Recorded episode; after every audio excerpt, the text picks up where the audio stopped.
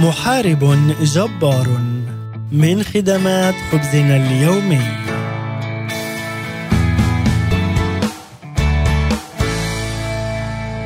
عندما غزا الألمان هولندا عام 1940 كانت إيمان شابة عادية وخجولة تحب وتعمل وتستمتع بوقتها مع الأسرة والأصدقاء.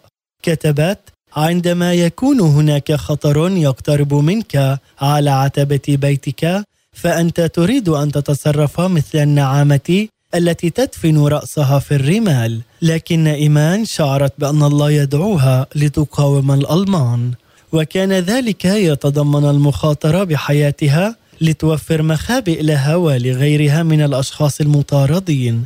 أصبحت هذه الشابة المتواضعة محاربة في جيش الله. العديد من قصص الكتاب المقدس تشبه قصة إيمان. قصص عن استخدام الله لشخصيات قد تبدو غير مناسبة لخدمته. على سبيل المثال عندما ظهر ملاك الرب لجدعون قال له الرب معك يا جبار البأس. مع ذلك بدا جدعون غير جبار على الإطلاق فقد كان يضرب القمح سرا بعيدا عن أعين الميدانيين الذين كانوا يسيطرون ويقمعون شعب إسرائيل وكان من أضعف عشيرة في سبط منسى والأصغر في أسرته. لم يستجب جدعون بسرعة لدعوة الله وطلب عدة علامات لكن مع ذلك استخدمها الله لهزيمة المديانيين القصى. رأى الله جدعون كشخص جبار ومثلما كان الله مع جدعون وجهزه فإنه كذلك معنا نحن أولاده الأحباء. ويوفر لنا كل ما نحتاج لنعيش من أجله ونخدمه بطرق صغيرة وكبيرة. من هم أشخاص الكتاب المقدس الذين استخدمهم الله رغم ضعفهم لتحقيق الكثير من أجله؟ كيف أخرجك الله من دائرة راحتك لكي تخدمه؟ خبزنا لليوم هو تأمل نستوحيه من سفر القضاء. الأصحاح السادس ومن الآية الحادية عشر وحتى الآية السادسة عشر. ثم جاء ملاك الرب إلى قرية عفرة وجلس تحت شجرة البلوط التي يملكها يؤاش الأبي عزيري وكان ابنه جدعون يخبط حنطة في المعصرة لكي يهربها من المديانيين فتجلى له ملاك الرب وقال له الرب معك أيها المحارب الجبار.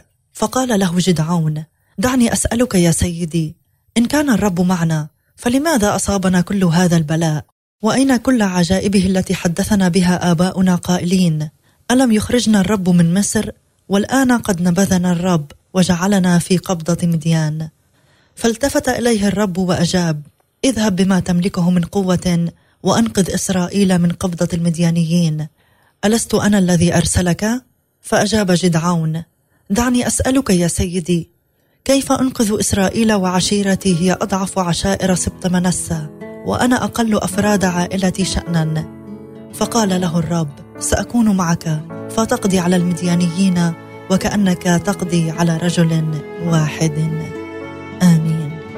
كان هذا وخبزنا لليوم وهو تأمل مقتطف من سفر القضاء الأصحاح السادس ومن الآية الحادية عشر وحتى الآية السادسة عشر. لنصلي. أشكرك يا الله لأنك لا تراني كما أرى نفسي. ساعدني لأرى نفسي كابن محبوب لك.